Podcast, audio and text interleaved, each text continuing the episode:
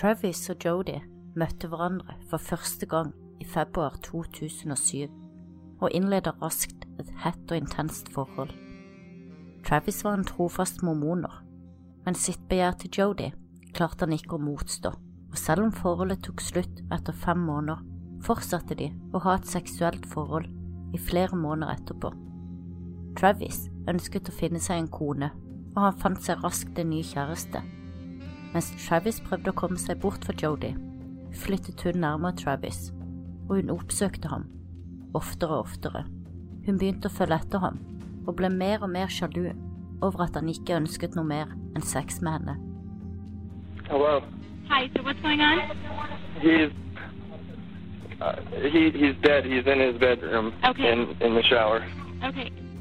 Sommeren 2008 ble Travis funnet av vennene sine, brutalt drept i sitt eget hjem. Et par uker senere ble Jodi arrestert for drapet på Travis Alexander, og et nett av løgner begynner.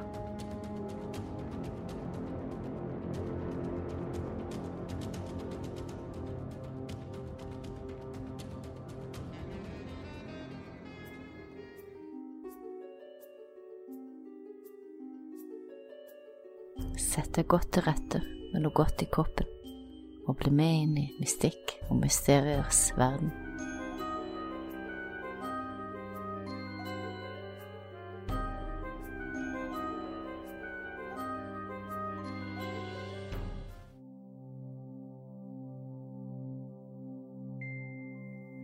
Travis Alexander ble født i California sommeren 1977. Travis sine foreldre brukte narkotika, og han hadde en vanskelig barndom. Som elleveåring flytta han inn til besteforeldrene sine, og det var her han ble introdusert til mormonerkirken, og han ble tidlig en ivrig kirkegjenger. Travis hadde syv søsken, og ved farens død i 1997 flytta også søsknene inn til besteforeldrene. Som 20-åring arbeidet Travis som salgsmann og motiverende foredragsholder. Han flyttet etter hvert til Mesa i Arizona, der mormonermiljøet var større. Han hadde suksess i sitt arbeid, han så godt ut, hadde gode venner og god helse. Som andre på sin alder var han på jakt etter kjærligheten, en å dele livet med. Travis var godt likt av sine venner, og var et naturlig midtpunkt i sosiale sammenhenger.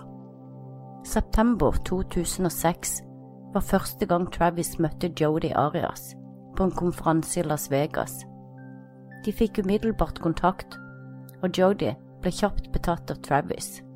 De utvikla et langdistanseforhold, og i november, to måneder etter første møte, ble Jodi døpt i Travis sin kirke.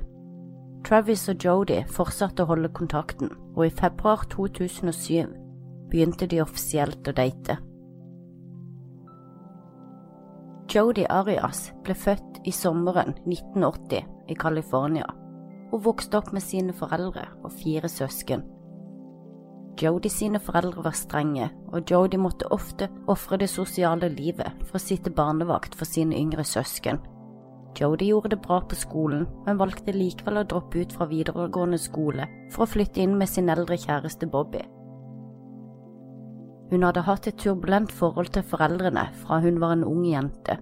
Det var spesielt en episode fra tenårene hvor Jodi og en venninne hadde plantet et pottfrø på taket. Dette ble oppdaget av moren til Jodi, og hun valgte da å ringe politiet. Hun håpte det ville skremme Jodi fra å gjenta noe lignende. Men episoden gjorde at Jodi sitt avsky mot foreldrene økte betraktelig. Som ungdom hadde hun veldig strenge regler, også noe vennene fra denne tiden har bekreftet. Hun måtte være inne senest klokken 18 hver kveld, og fikk sjelden delta i aktiviteter utenom skolen. Jodi selv hevder at hun fikk mye juling av foreldrene, men ingen andre kan bekrefte dette, og foreldrene forteller at det aldri skjedde. En tidligere barnevakt fortalte at Jodie ofte var voldelig mot lillebroren sin, og alltid bedyret sin uskyld i etterkant. Hun virket blottet for empati og virket ikke å bry seg. Jodie var 17 år når hun droppet ut av skolen og valgte å flytte fra foreldrene.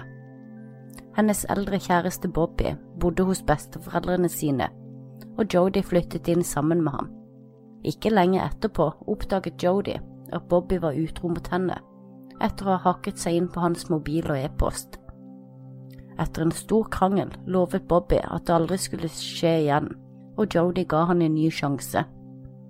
Det tok likevel ikke så mange måneder før forholdet tok slutt. Jodi flyttet tilbake til hjembyen.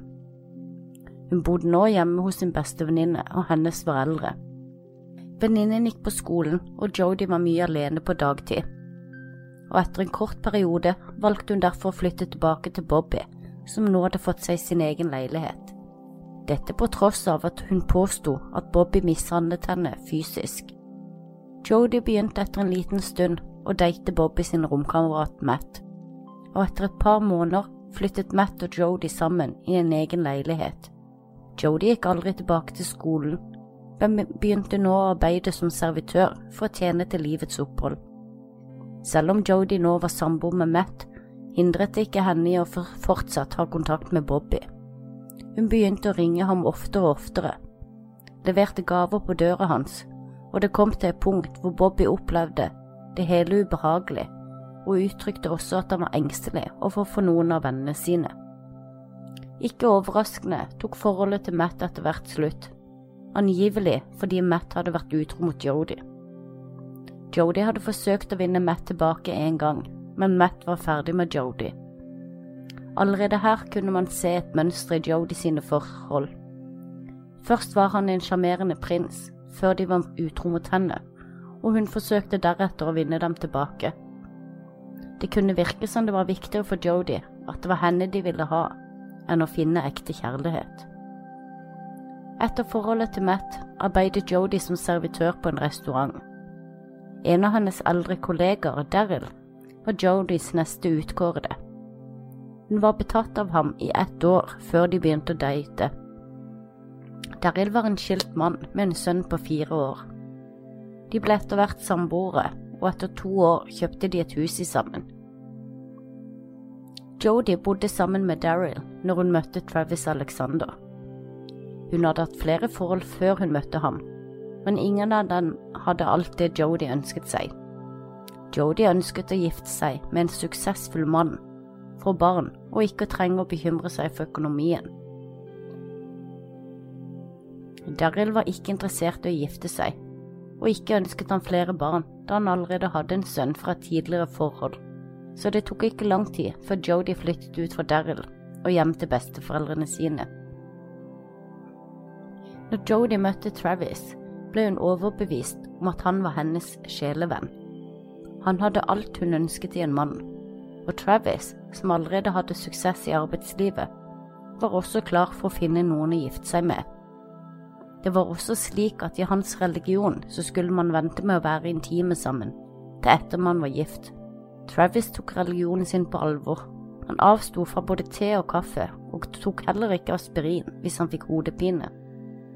Men likevel var det én regel som han tilsynelatende ikke hadde noe problem med å bryte. Sex før ekteskapet. Travis og Jodi hadde et hett og intenst langdistanseforhold som varte i fem måneder. De var offisielt et par fra februar 2007 til juli 2007. Men så tok forholdet slutt da Travis ikke følte at de hadde en fremtid sammen. Vennene til Travis oppfattet Jodi som sjalu, paranoid, manipulerende og veldig besatt av Travis. De tok henne i å tyvlytte på samtaler de hadde med Travis. De så henne flørte med andre menn, for så å si at hun var kjæresten til Travis, og flere andre episoder som bekymret dem. Men det virket ikke som Travis så dette selv. Men vennene fortalte ham hva de så, og han respekterte vennene sine og tok til seg det de sa. Travis var nå 30 år, og for han begynte det å haste med å finne en han kunne gifte seg med, og han ville derfor fortsette å date etter å ha avsluttet forholdet med Jodi. Men etter at forholdet deres tok slutt, da flyttet Jodi til Mesa, samme by som Travis, seks–syv timer unna der hun bodde med besteforeldrene sine. Travis hadde allerede gått videre, og var nå i et forhold med 19 år gamle Lisa Andrews, en søt mormonejente som Travis godt kunne tenke seg å gifte seg med. Lisa sa at hun ikke følte seg klar for ekteskap enda, men forteller at Travis var tålmodig med henne. Det Lisa ikke visste, var at Jodie og Travis fortsatt hadde et seksuelt forhold pågående. Lisa oppdaget til slutt at Travis var utro mot henne, og gjorde det derfor slutt med ham. Etter dette tilbringte Jodi og Travis mer tid sammen, og selv om de også reiste på en ferie til New Mexico sammen, så forsøkte Travis å vinne Lisa tilbake. Han tryglet om en ny sjanse, og til slutt ga Lisa etter, og de ble igjen et par. Men Jodi lot ikke dette stoppe henne fra å forsøke å vinne Travis tilbake. Hun dukket ofte opp uanmeldt hjemme hos Travis, og hvis døren var låst, kunne hun finne på å gå inn hundedøren eller bakdøren, kle av seg og legge seg i sengen eller på sofaen til Travis. Travis hadde ingen intensjoner om å gifte seg med Jodie eller å være i noe forhold med henne, men han fortsatte likevel å sende henne meldinger og invitere henne over når han følte seg ensom. Travis hadde fortalt en venn at han var tiltrukket av Jodi, men at han ikke trodde de hadde en fremtid sammen.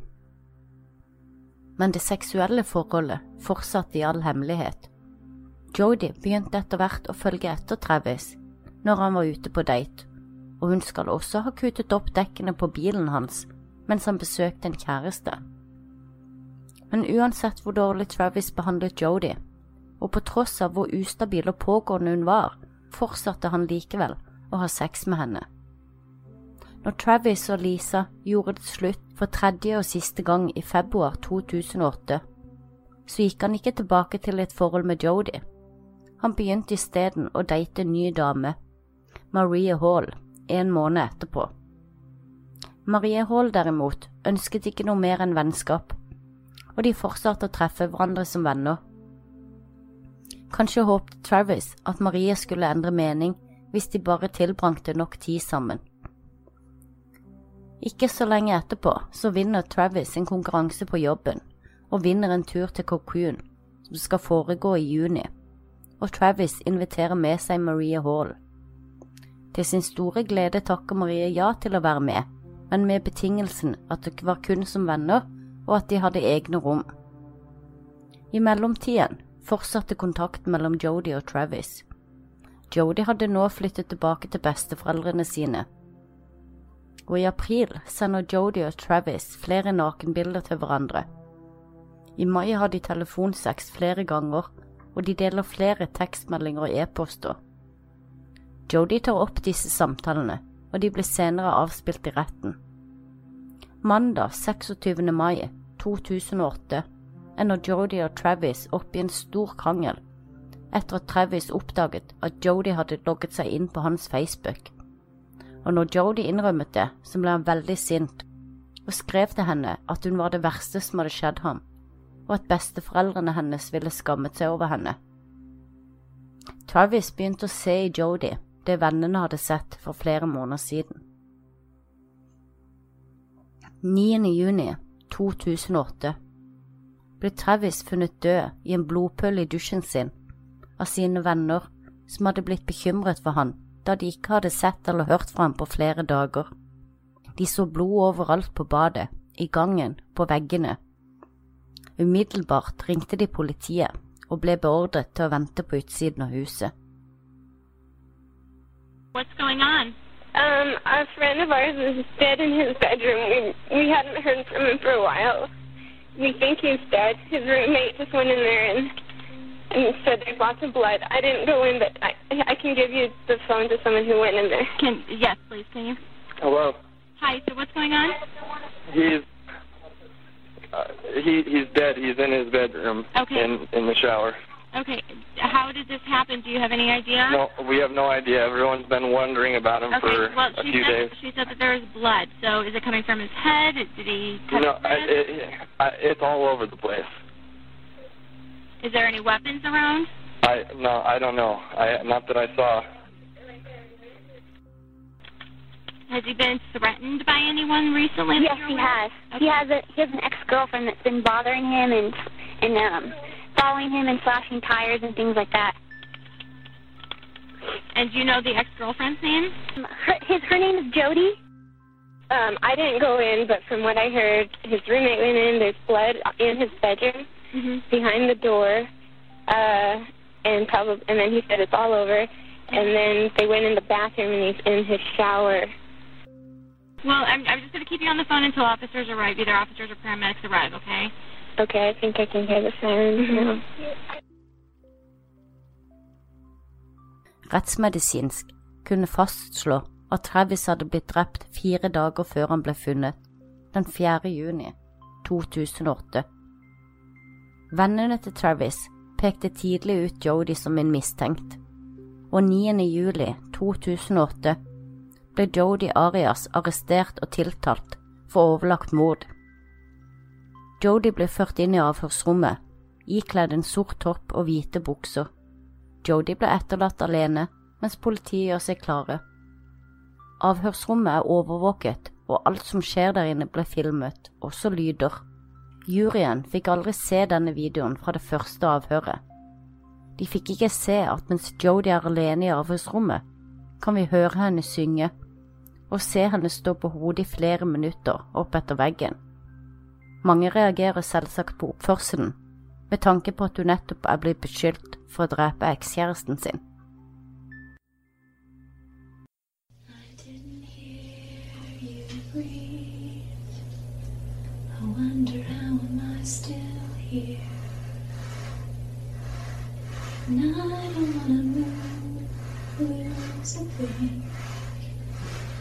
It might change my breathe.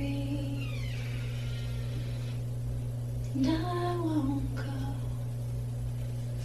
And I can't breathe until you're resting here with me. And I won't go.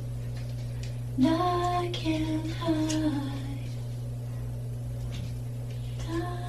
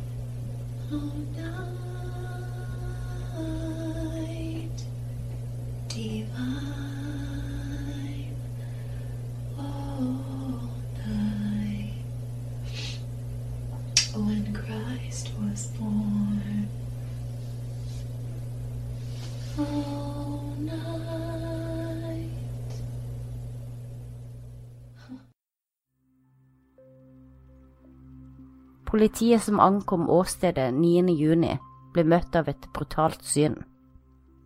Travis Alexander, som lå naken i dusjen med skudd i hodet, knivstikk over hele kroppen og en hals som var kuttet nesten av. Badet, gangen, vasken, soverommet var dynket av blod. Politiet forsto umiddelbart at det var snakk om drap, og man kunne helt tydelig se at en kamp hadde pågått.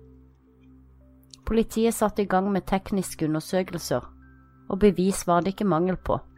Politiet fant også kulen som Travis hadde blitt truffet av, en kule fra et 25-kalibret våpen.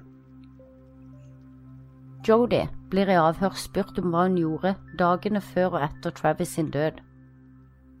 Jodi forklarer at hun 3. juni reiste til Salt Lake City i Utah for å delta på en konferanse og får møte sin nåværende date Ryan Burns. 2. juni hadde Jodi dratt ut for å leie en bil til den lange kjøreturen. Bevisene viste at hun, at hun hadde leid bilen og kjøpt bensin på Shell i Eureka, California. Deretter kjørte hun sørover og besøkte venner i Sør-California, før hun om kvelden 3. juni kjørte videre mot Utah. 5. juni møtte Jodi Ryan Burns i Salt Lake City, hvor de deltok på et forretningsmøte sammen. Ryan forklarte senere at han noterte seg at Jodi hadde farget håret fra blondt til mørkebrunt, og at hun hadde flere kutt på hendene sine. 6. juni forlot Jodi Salt Lake City og kjørte hjem mot California. På vei hjem hadde hun ringt flere ganger til Travis og etterlatt flere beskjeder på telefonsvareren hans. midnight. Uh, anyway, right about the time you're starting to gear up. I know Leslie called you, so I already talked to her, so uh, you can call her back if you want, but it's not necessary. Um, my phone died, so I wasn't getting back to anybody. Um, and what else? Oh, and I drove 100 miles in the wrong direction. Over 100 miles, thank you very much. So yeah, remember New Mexico? it was a lot like that. Only you weren't to prevent me from going into the three digits. So fun, fun. Tell you all about that later. Um, also, we were talking about when we were talking about your upcoming travels my way. I was looking at the May calendar, duh. So I'm all confused. Um, but Heather and I are going to see Othello on July 1st, and we would love for you to co- accompany us.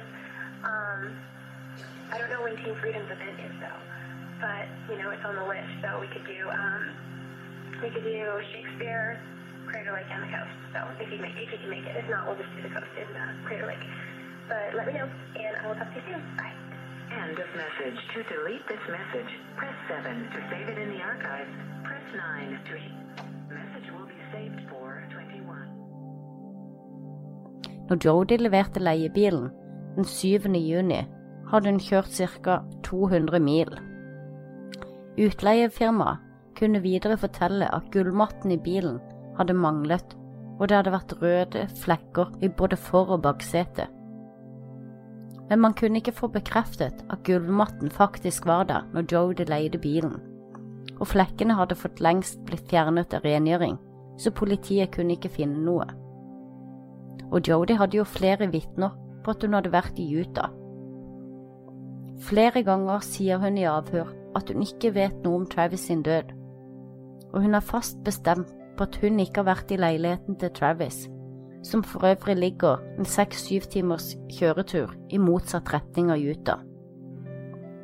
Etter nesten to timer i avhør avslører politiet at de har bevis på at hun var i leiligheten den dagen Travis døde. De har funnet hennes DNA mikset inn med Travis sitt blod, noe jo Jodie mener er helt naturlig, siden hun faktisk bodde der på et tidspunkt. Men så sier politiet at de har funnet bilder. Jodie blir litt forstøkt og lurer på om hun kan få se bildene, noe politiet sier nei til. Were you at Travis's house on Wednesday? Absolutely not. I was I was nowhere near Mesa. I was nowhere near No. Phoenix.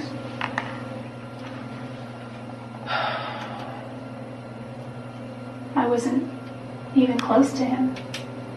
Um, What if I could show you proof you were there? That change your mind?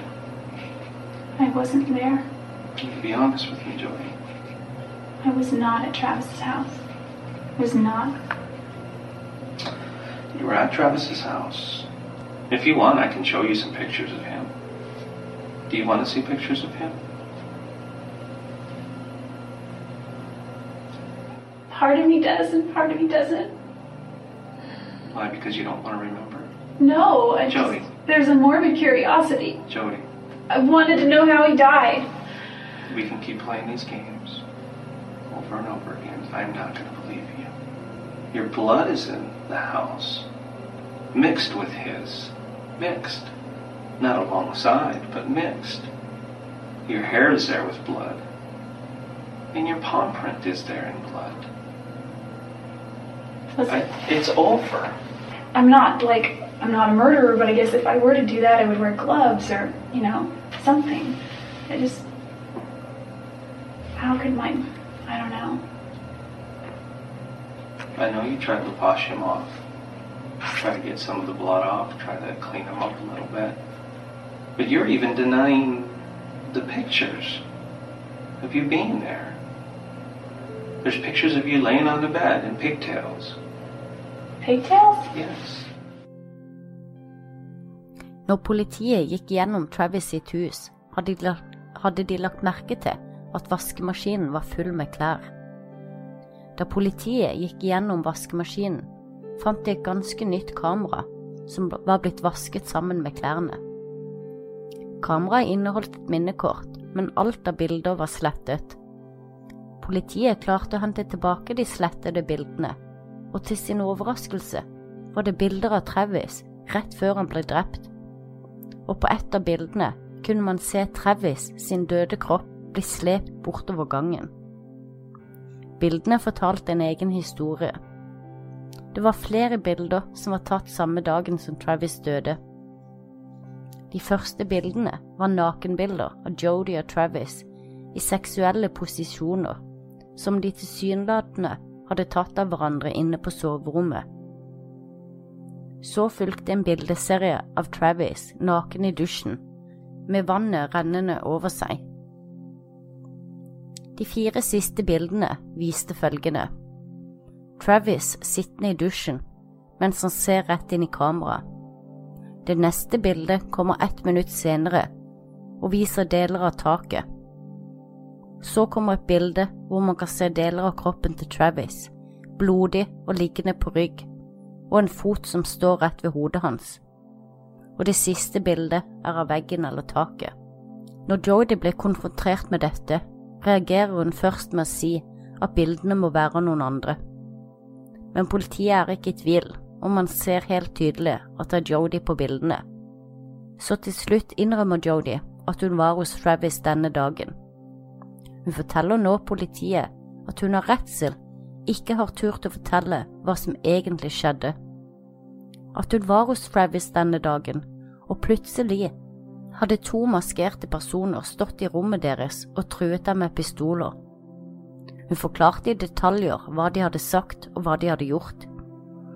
De var kledd i sort og bar skimasker og sorte skjerf. Hun sa videre at hun trodde de var ute etter Travis, og at de til slutt hadde spart hennes liv, men ikke Travis sitt. Det skulle vært en mann og en kvinne, og de bar både pistoler og kniver. Hun var redd for sitt liv og familien sitt liv, da de hadde truet med å drepe dem om hun sa noe. Det som er mest spesielt å se under de lange avhørene som ble filmet, er hvordan hun stadig ler, smiler, og gråter til synger, og til tider virker uanfektet av de alvorlige anklagene. Det er også påfallende at de gangene hun gråter, så handler det om henne og ikke om Travis. Politiet sier at de ikke tror på hennes historie om to maskerte personer, denne ninja-historien som de kaller det. De forteller at bevisene peker mot henne, men Jodie fastholder forklaringen sin om at det var disse som drepte Travis, og ikke henne. Hun gir inntrykk av å være redd og bekymret for sitt eget liv. All of the evidence against me right now is very compelling. What really happened in there? In a nutshell, two people took Travis's life, two monsters. You did not shoot Travis. No, I've never even shot a real gun. You did not stab him 27 I've never, times ne- that's that's heinous. or I've never. slit his throat from ear to ear. I can't imagine slitting anyone's throat. No jury is going to convict me Why not? because I'm innocent, and you can mark my words on that one. No jury will convict me. Denne historien holder Jodie fast på de neste to årene, før hennes advokater overrasker alle med å informere retten om at Jodie har endret historien, og at hun i retten kommer til å hevde at det var selvforsvar. Ved å gjøre dette innrømmet hun samtidig at ninja-historien hennes var løgn, og at det var hun som hadde tatt livet av Travis. Jodie og advokaten hennes påsto nå at Travis hadde mishandlet Jodie både fysisk og psykisk, at han denne dagen hadde angrepet Jodie, og hun hadde forsvart seg selv, og det endte til slutt med at Travis døde. På grunn av Jodie sine endringer i forklaringen ble rettssaken utsatt, og først i desember 2013, fire og et halvt år etter Travis sin død, startet rettssaken. Jodi sitt forsvar ville hevde at hun agerte i selvforsvar etter et angrep fra Travis, at han systematisk hadde mishandlet henne, fysisk og psykisk, utnyttet henne seksuelt og brukt henne som han ville. He grabbed my wrist one time in March 2007. And I saw Travis standing at the edge of the crowd. I just smiled as I walked up to him and went to grab his hand, and his hand shot out and grabbed my wrist instead. Did he grab it hard, or did he just was he just holding it? He grabbed it hard, but not painfully. He was just squeezing very tightly, but it didn't hurt. There was a point in October, late October, where he pushed me down on the ground in his bedroom, um, but I landed on my knees. I didn't like fall over or anything. What was his reason for pushing you over? We were arguing, and I got up to leave, and he wasn't done making his point, and he wanted to stay, and he wanted me to stay, so he, I guess he could finish yelling at me. What did Mr. Alexander say when he pushed you down? He said no like five times fast, like no, no, no, no, no, you're not going anywhere. So what happened when you went over to check on Travis? I guess on the 22nd of January. He told me he needed to borrow. I think it was two hundred dollars. He called me selfish because I told him I didn't have it. I thought, how can you call me selfish? I just lent you seven hundred dollars. And when I said that, he, he got angry and he he crossed the room and he started shaking me and he said, "I'm sick of you." And he body slammed me on the floor at the foot of his bed. He said, "Don't act like that hurts." He called me a bitch and he kicked me in the ribs. He went to kick me again and I put my hand out and to block his foot and it clipped my hand and hit my finger. Could you hold up your hand for us so we could see? The finger, hold it up. Travis sitt forsvar ville hevde at Jodie drepte Travis ut av sjalusi, at hun var narsissist, at drapet var nøye planlagt, og at motivet var en ferie som Travis skulle dra på en uke etter at han ble drept sammen med sin nye date. Absolutely, without a shadow of doubt, she's a liar. She knew. She absolutely knew and had already planned it. She knew she was going to kill him. She knew that she was coming to kill him. She may cry now. But the jury instructions have told you that sympathy is not to be considered in this particular case. She's acting the part, and she's lying. She's making it all up. She has lied to everybody. Rettssaken, som man kan se på YouTube, viser en pent kledd, mørkhåret Jodi ikledd briller.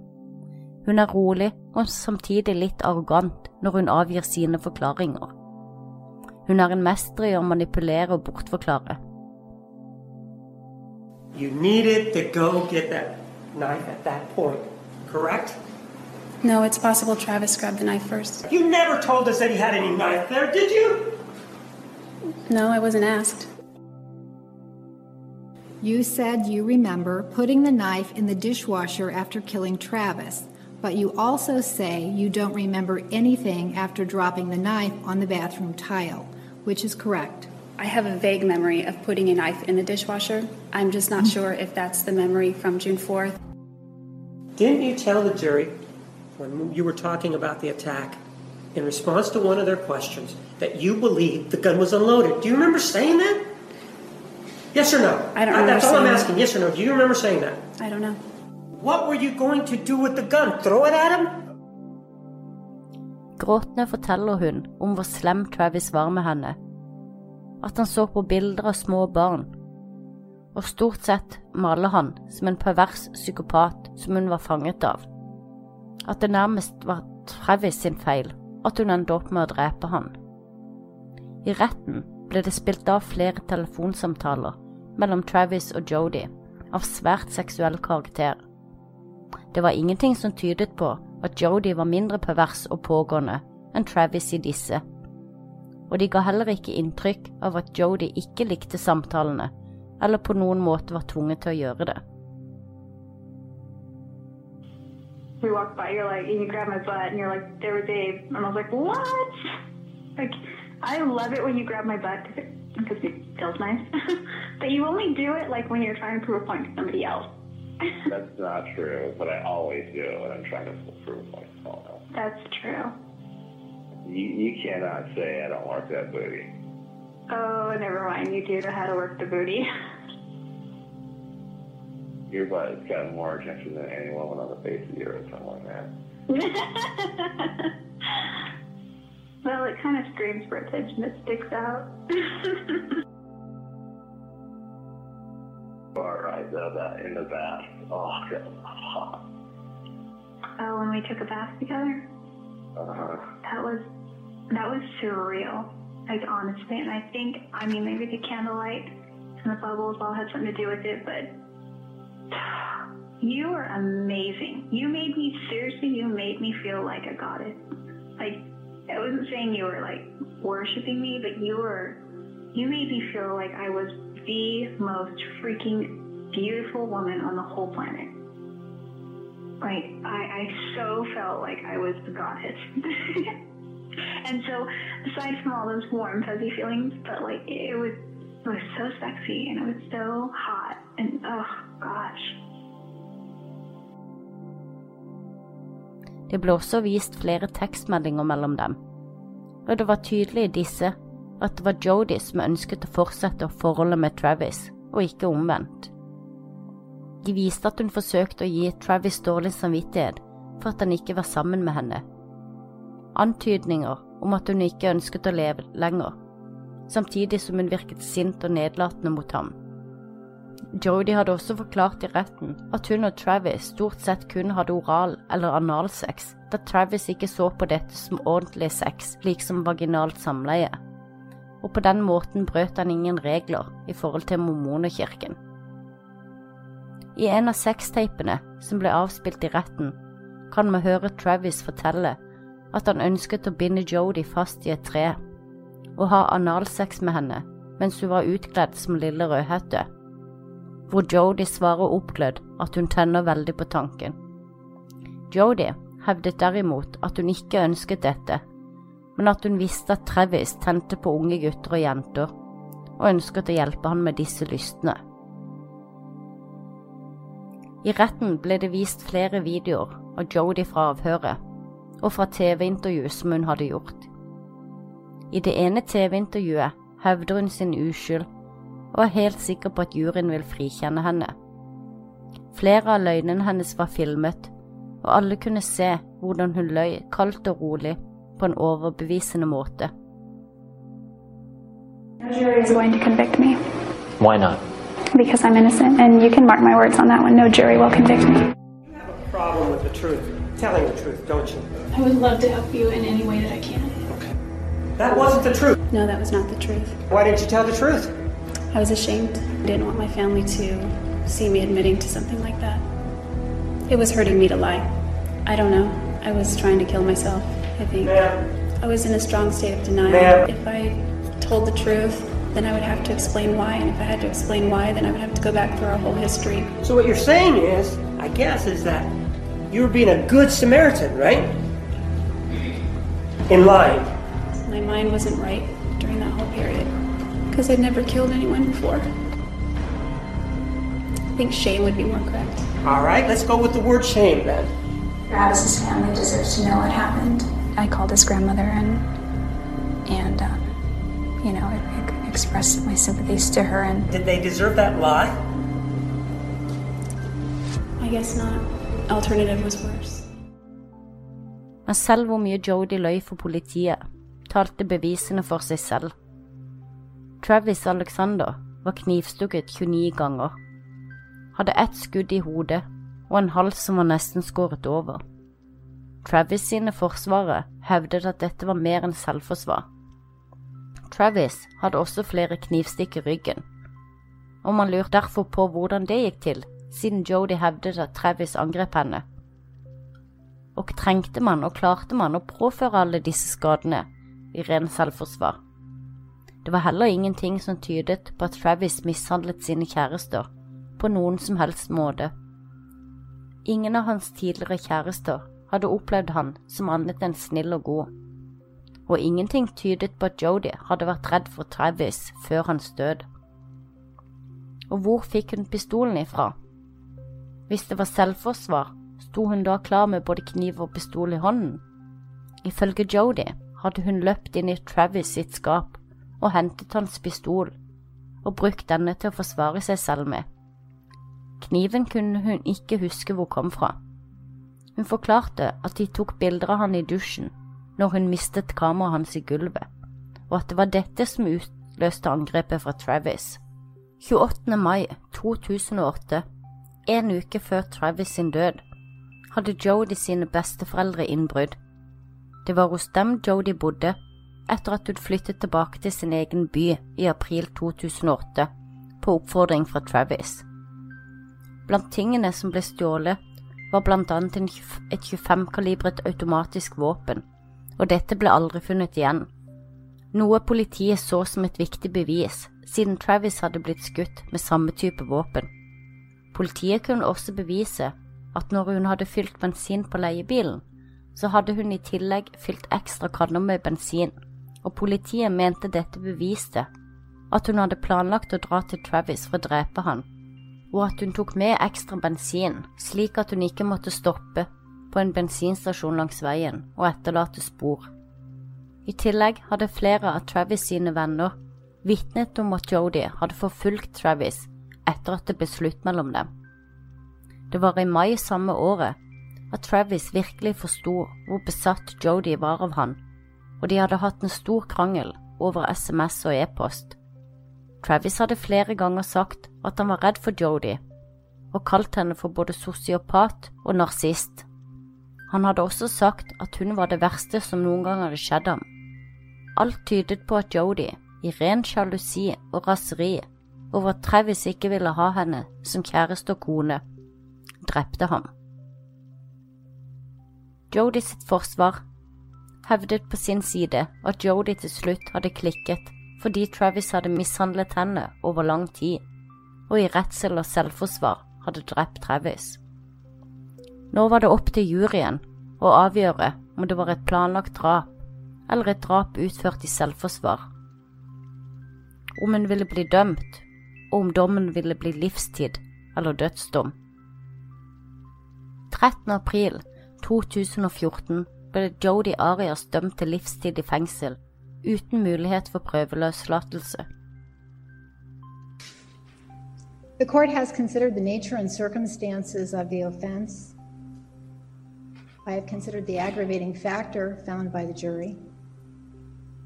I have identified aggravating and mitigating factors and considered those factors in arriving at a sentence for Miss Arias. As aggravation, the court finds, as the jury found, the crime was especially cruel. The offense was committed with at least two deadly weapons, a gun, and at least one knife. The crime involved substantial planning and preparation. The defendant did not render aid to the victim. The defendant destroyed evidence at the crime scene. The defendant went to great lengths to conceal her involvement in the crime. The court has also considered, as an aggravating factor, the emotional and financial harm to the victim family members. As mitigation, the court finds the defendant has no prior criminal history. The defendant has family and community support. The defendant has mental health issues. The court has also considered the defendant's childhood background, family history, and her expressed remorse.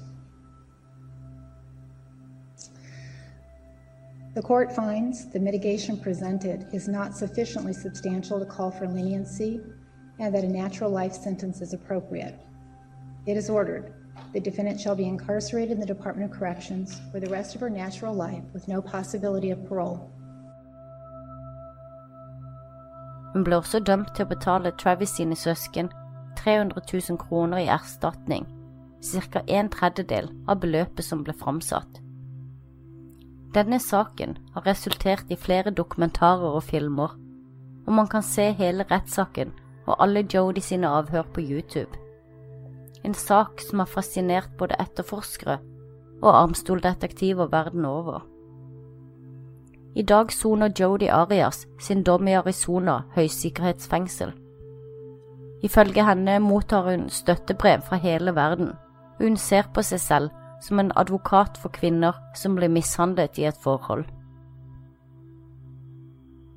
Hun handler stort sett tannbørster og tegnesaker, og hun selger kunsten sin på internett via venner utenfor fengselet.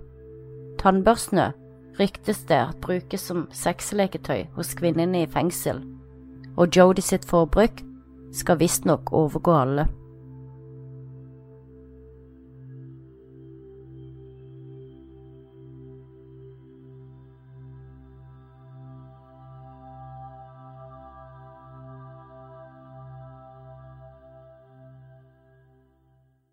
Har du et enkeltpersonforetak eller en liten bedrift? Da er du sikkert lei av å høre meg snakke om hvor enkelt det er med kvitteringer og bilag i fiken, så vi eh, gir oss her, vi. Fordi vi liker enkelt. Fiken superenkelt regnskap.